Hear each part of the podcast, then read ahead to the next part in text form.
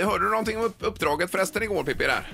Nej, det missade jag faktiskt. Vad var det som hände där? Nej, straffet. Det får nästan Erik berätta nu då. Ja. För att eh, det är straffet till Vem är detta nu då? För den som kommer sist det handlar om. Mm, lyssna nu ordentligt Pippi, för det här blir Ja. roligt. Ja, Pippi håll i dig nu så att du inte ramlar ut ur bilen där, för att det här så roligt kommer det faktiskt bli. Jo, då är det så att den som kommer sist ska på måndag morgon få utföra det här straffet och då har vi kommit fram till följande att personen som kommer sist, vi säger inte vem det är nu, vi säger bara att Peter Sandholt ligger sist i dagsläget, men det är ju inte säkert att det blir han. Det Det kan säger bli ju ingenting. Linda eller Ingmar också kan det bli. Det krävs att Sandholt tar alla från och med idag för att utjämna och sen en utslagsomgång då. Men det är Precis. teoretiskt möjligt i alla fall, Ja, att det inte ja, blir ja. Helt Sandholt. klart. Men, alltså, förlorar jag idag är jag rökt, förlorar jag imorgon är jag rökt, förlorar jag övermorgon är jag rökt och dagen därpå så är jag rökt. Man kan säga att eh, Ingmar och Linda har många matchbollar på dig just nu. Ja. Eh, då är det i alla fall så här att straffet tänkte vi, vi ska ta hjälp utav eh, en eh, sjuksköterska som ska komma hit och helgipsa den personen. Alltså överkroppen ska gipsas, ena armen ska sticka upp så här va Pippi, är du med hur jag menar? Typ i ett Ja, klockrent. I en hejgest. Ja, hej, Ja. eller så typ som man räcker upp handen i skolan och vill säga något hela tiden.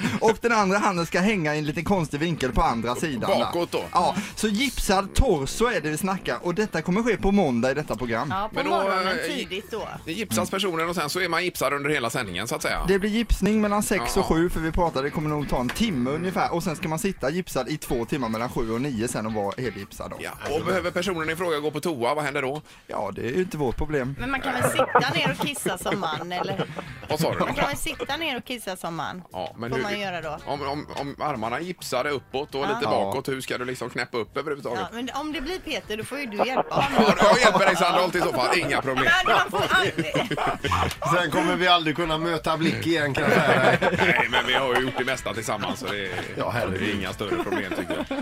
Ja, men som sagt, det är inte alls säkert att eh, det blir Sandholt. Men lyssna vidare nu, för det är ju dags för Vem är detta nu då? Förlorar Peter idag, då är det alltså honom vi ser med gipsad torso på måndag. Li- Linda ville adderat också att jag skulle ha hela käften full av tandläkarbedövning också. Ja. Men det röstades ner. Och elstötar. Elstötar också ja. Vi kan ju ta lite klipulver och hälla innanför gipset Ja, också så får det är vi se. inte dumt. Nej, det kan vara tips till på måndag. Men Då skriver vi lite på gipset också får vi göra. Lycka till och kämpa på och så. Ja, visst. Du, och du, du är snart tillbaka.